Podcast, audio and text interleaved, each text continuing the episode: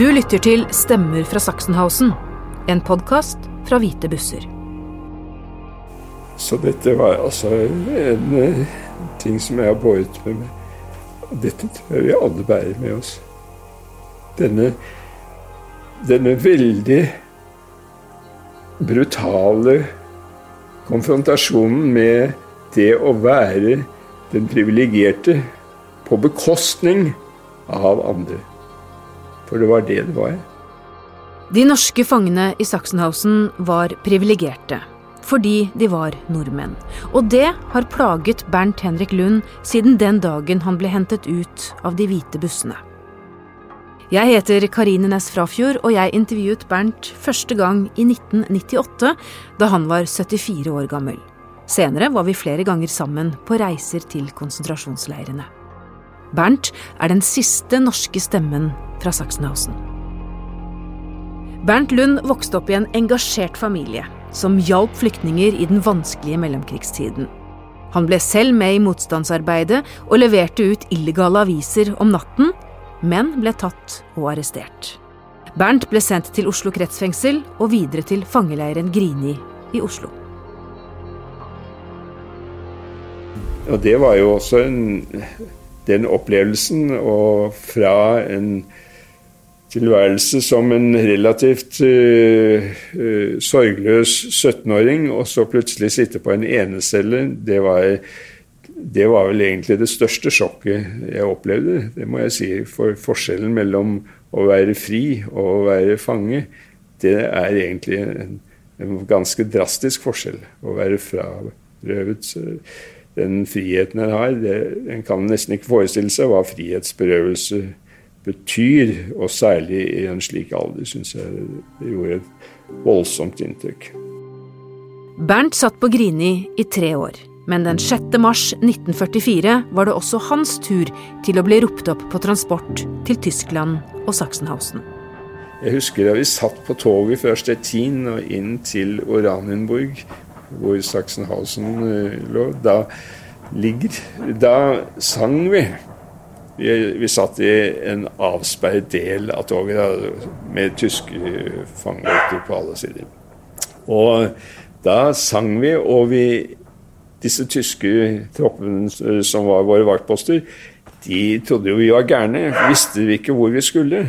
Det var jo helt uh, utrolig at folk kunne sitte og synge på vei til en konsentrasjonsleir. Dette var jo ikke fordi vi var blåøyde, men det var fordi det var en form for å holde humøret oppe i denne situasjonen. Det første møtet med konsentrasjonsleiren ble brutalt. Og vi ble jo barbert. Og det å bli barbert på hodet er én ting, men liksom å bli barbert på alle tenkelige og utenkelige steder på kroppen også. Og dette var jo av hygieniske grunner, for man eh, måtte jo ivareta den aller største forsiktighet når det gjaldt personlig hygiene. Og redselen for smitte var hele tiden veldig sterkt der. Vi var jo stuet sammen 25 eh, 000 fanger i dette lille området. Og vi bodde jo 200 stykker på ett rom, så det var klart at, at det skulle ingenting til før Hvis det var noen som hadde en eller annen smitte, eller lus eller annet utøy, at det da eh, straks spredte seg. Og det var jo det man hele tiden forsøkte å unngå ved den aller største form for renslighet. Det var ikke så lett for alle å få gjennomført det. Det var kanskje ikke alle som var helt vant til det heller. Det var jo alle mulige slags folk i den leiren. Men eh, det, det, det sjokket er liksom den nedverdigelsen å bli barbert eh, og, og liksom, alt som var ens personlighet, altså var knyttet til disse ytre tingene. Og håret betyr ganske mye, for det betyr iallfall mye for meg. Det var en sånn personlig nedverdigelse som gikk veldig inn på meg, husker jeg. Så kom vi da inn på denne mottakingsblokken blokka, som det heter. Vi kalte det for blokk. Det var det tyske ordet for en sånn brakke. Og der skulle vi da bo sammen med alle de nyankomne fanger som har kommet de siste dagene. De bodde der som sagt i 14 dager til å begynne med, og fikk da opplæring gjennom drill i hvordan tyske kommandoord var å forstå, og hvordan man skulle marsjere riktig, og hvordan man skulle ta luen av og på. Sånt var meget viktig. Bernt var jo så ung, så han hadde ikke noe yrke. Alle fangene i Sachsenhausen måtte jobbe for den tyske krigsindustrien, og Bernt ble sendt til en liten utekommando hvor han ble satt til å bygge brakker. Så jeg ble da bygningsarbeider.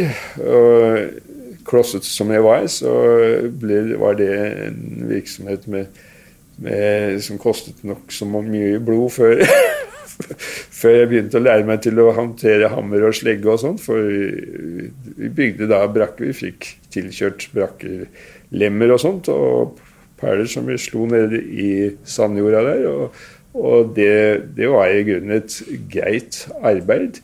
Og dette var etter hvert vår, og det var en deilig årstid. Så vi hadde hatt fra, fra naturens side, hadde jeg nær sagt, et relativt godt sted å være hvis ikke forholdene i denne lille fangeleiren var veldig kummerlige. Vi fikk også tilsendt forsyninger fra hovedleiren én gang i uka med lastebil. Og vi fikk også matpakker, de av oss som hadde pakketillatelse. Vi fikk da de matpakkene som kom til oss til hovedleiren, de ble da sortert ut og sendt over til oss. Så det fungerte altså. Men eh, det var ikke noe leger, det var ikke noe syke, sykebrakke eller noe sånt. Det var en som kalte seg saniteter. Og det vil si at han eh, da tok temperaturen på folk hvis de påstod at de hadde feber. Og hvis de hadde høy feber, så kunne de da få fri og bli liggende inne på brakka den dagen. Og han eh, passet på dem. Min nærmeste venn som eh, jeg hadde med denne gruppa, han var en eh, kar som jeg hadde vært sammen med mye i en klubb vi hadde i Oslo. Og han døde der ute, og det var noe som selvfølgelig gjorde veldig sterkt inntrykk. Vi var, var et år eldre enn meg, eller noe sånt. Og, og, det å se hvordan et ungt menneske ikke fikk medisinsk hjelp Og han, han var ikke død da han ble så transportert inn til hovedleiren, men han var helt i koma. Så han var helt, eh, helt tydelig at han hadde fått en eller annen form for hjernehinnebetennelse eller noe i den sjangeren, for det var hjernen det hadde slått seg på. Dødsfallet gjorde et voldsomt inntrykk på Bernt. Han forsøkte gjennom et nettverk av gode venner å komme tilbake til hovedleiren. De hjalp ham med å få en tannlegetime i Sachsenhausen og ordne papirer slik at han kunne bli der. Dette viste hvordan nettverket fungerte, og hvordan gode kontakter kunne hjelpe en fange til en bedre hverdag. For meg betydde det enormt mye, fordi jeg var jo eh, da full av vitebegjær. Jeg var veldig opptatt av å treffe mennesker og utnytte de månedene som jeg da hadde Det regnet jo ikke mer med år, men at det ville gå måneder før vi ville se slutten på dette. her, Sammen med venner og i et miljø som var så uhyre interessant som Sachsenhausen var. Men der var jo en slags elite av Europas eh, Fra de forskjellige delene som Tyskland hadde okkupert. Så det var jo mange interessante mennesker. Og ikke minst disse tyske fangekameratene som jeg traff, var jo uhyre interessante. Og det å få stimuli, få inntrykk og sånn som gjorde at livet ble lettere å bære i dette fangenskapet, som var selvfølgelig ganske tøft, det var det som var nødvendig for at jeg skulle overleve, syntes jeg. Altså det, jeg var så avhengig av og, og få, inntrykk og få ikke kaste bort år av mitt liv, men eh, forsøke å virkelig benytte denne anledningen til å lære ting, snakke med folk. Bernt lærte russisk av en medfange, som fikk mat fra Bernts Røde Kors-pakke som takk. Han spilte sjakk og lærte om marxisme fra en annen kamerat, og flere fanger hadde en studiesirkel hvor de diskuterte sosialøkonomi. Slik ble leirlivet levelig. I januar 1945 kom et brev til Sachsenhausen. Det var sendt av Bernts mor, Sigrid Helgesen Lund, som var i Stockholm. Og det brevet var riktignok litt forsinket. Det, Hans hånd fikk det først i slutten av januar. Men der sto det at jeg har nå fått en interessant oppgave. Jeg skal forberede en barnehage her i Sverige for barn som Og så nevnte hun klengenavn på meg og på min fetter og på en tredje med Ola Bonner. Sånn at det var klart at mor holdt på å forberede et mottak av tysklandsfanger i Sverige. Og dette Jeg lå da sammen med min fetter og Eskil Jensen oppe i fjerde etasje i, i brakka køyesenger. Og vi lå Det var ikke senger, men det var en lang brisk bortover hvor vi lå tett, tett, tett, tett. Og vi tre fikk se dette brevet til Hans. Og leste det og kommenterte det. Og i løpet av en halv time så visste hele leiren at de norske fangene skulle evakueres til Sverige. Sånn ryktes det. Dette, det var det var som bokstavelig talt ild i tørt gress, altså. Og så fikk jeg beskjed om å komme til en av de norske tillitsmennene som het Halvard Lange. Og Halvard sa at hva er det du har satt ut? Enten er dette et rykte, og da er det aldeles forferdelig, men sett at det skulle være sant, sa han. Og kan du tenke deg at dette kan gjøre skade hvis dette kommer ut her, før dette kanskje er er på en eller annen måte kommet fram til en avtale. Dette er jo bare forberedelse kanskje til noe som skal skje.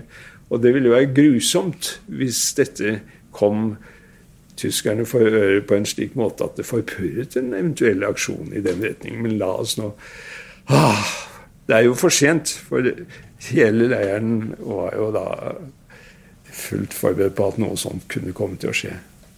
Og mor var da ganske riktig engasjert av en av de som arbeidet ved den norske legasjonen. Han var ikke norsk minister i Stockholm på det tidspunktet, han hadde vært norsk minister i Polen.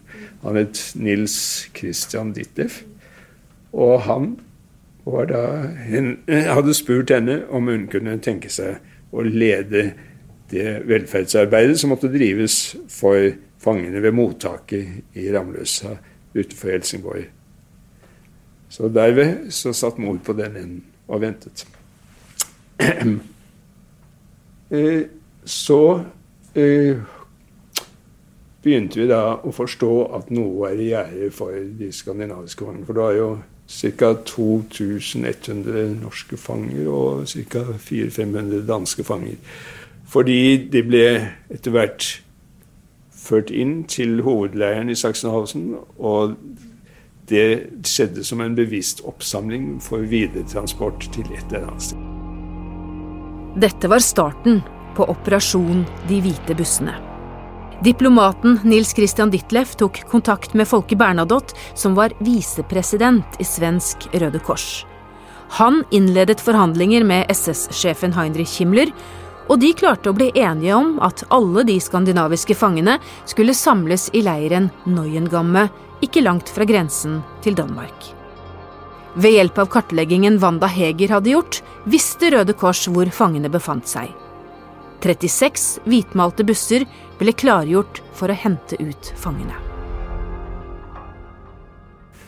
Og i midten av mars, da hadde jeg vært der akkurat et år, så ble den første gruppa kalt opp, og fangetransporten skulle da gå neste dag.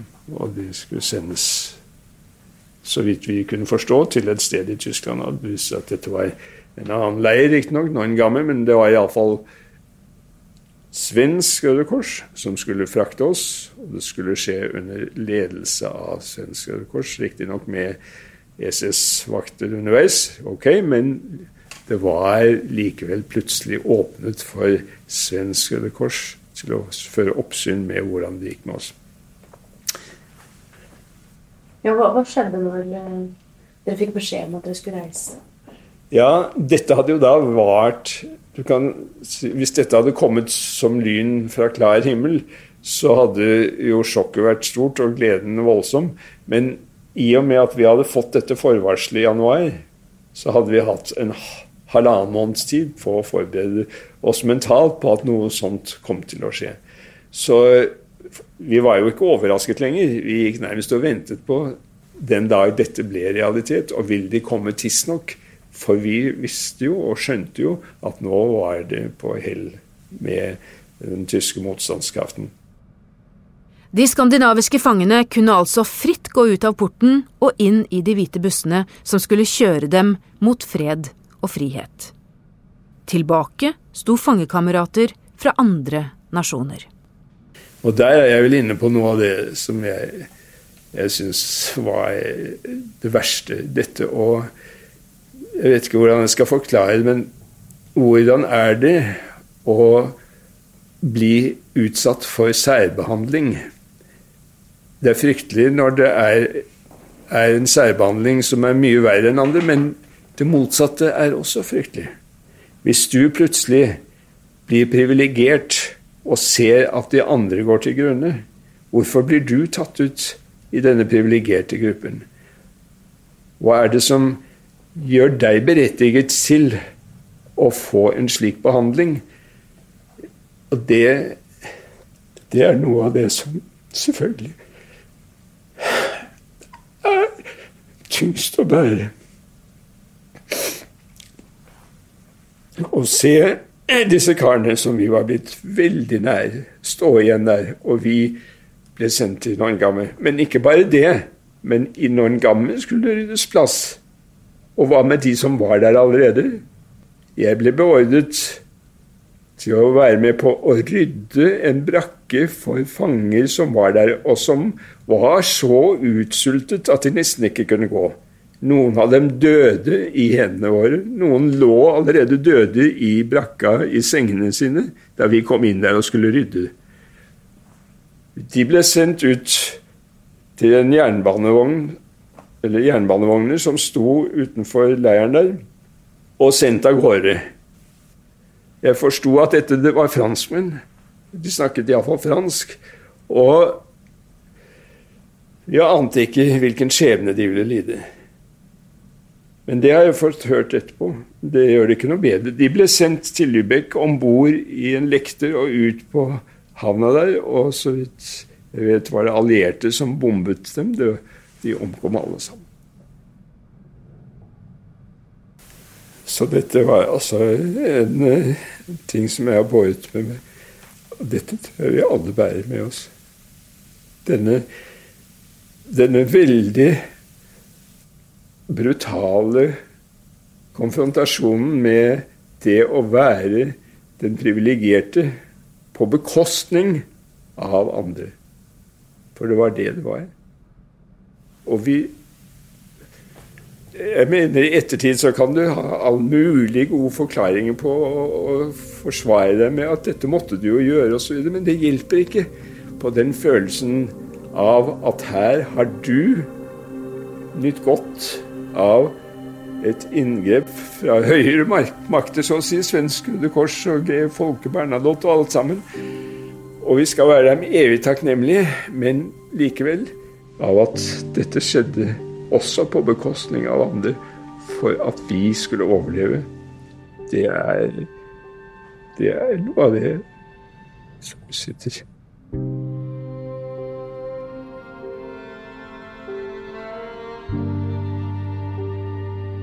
Bernt mener fangeoppholdet bidro sterkt til at han ble et sosialt tenkende og agerende menneske. Da jeg intervjuet ham nesten 60 år etter krigens slutt, hadde han gjort seg mange refleksjoner rundt hva fangetiden gjorde med ham. Selvfølgelig var det grusomt, men selvfølgelig kan man komme gjennom det. Så har det også gitt deg verdier som jeg føler den dag i dag. Hvilke er de viktigste verdiene? For meg er det først og fremst dette å,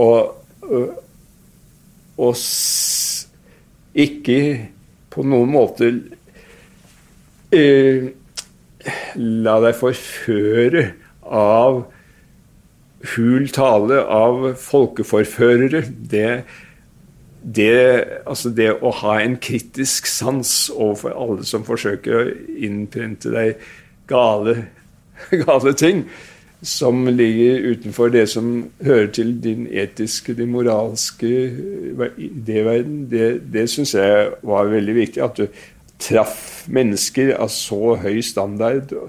Selvfølgelig var det alle mulige avskygninger av mennesker under disse forholdene. Du traff de grusomste, de verste og de flotteste.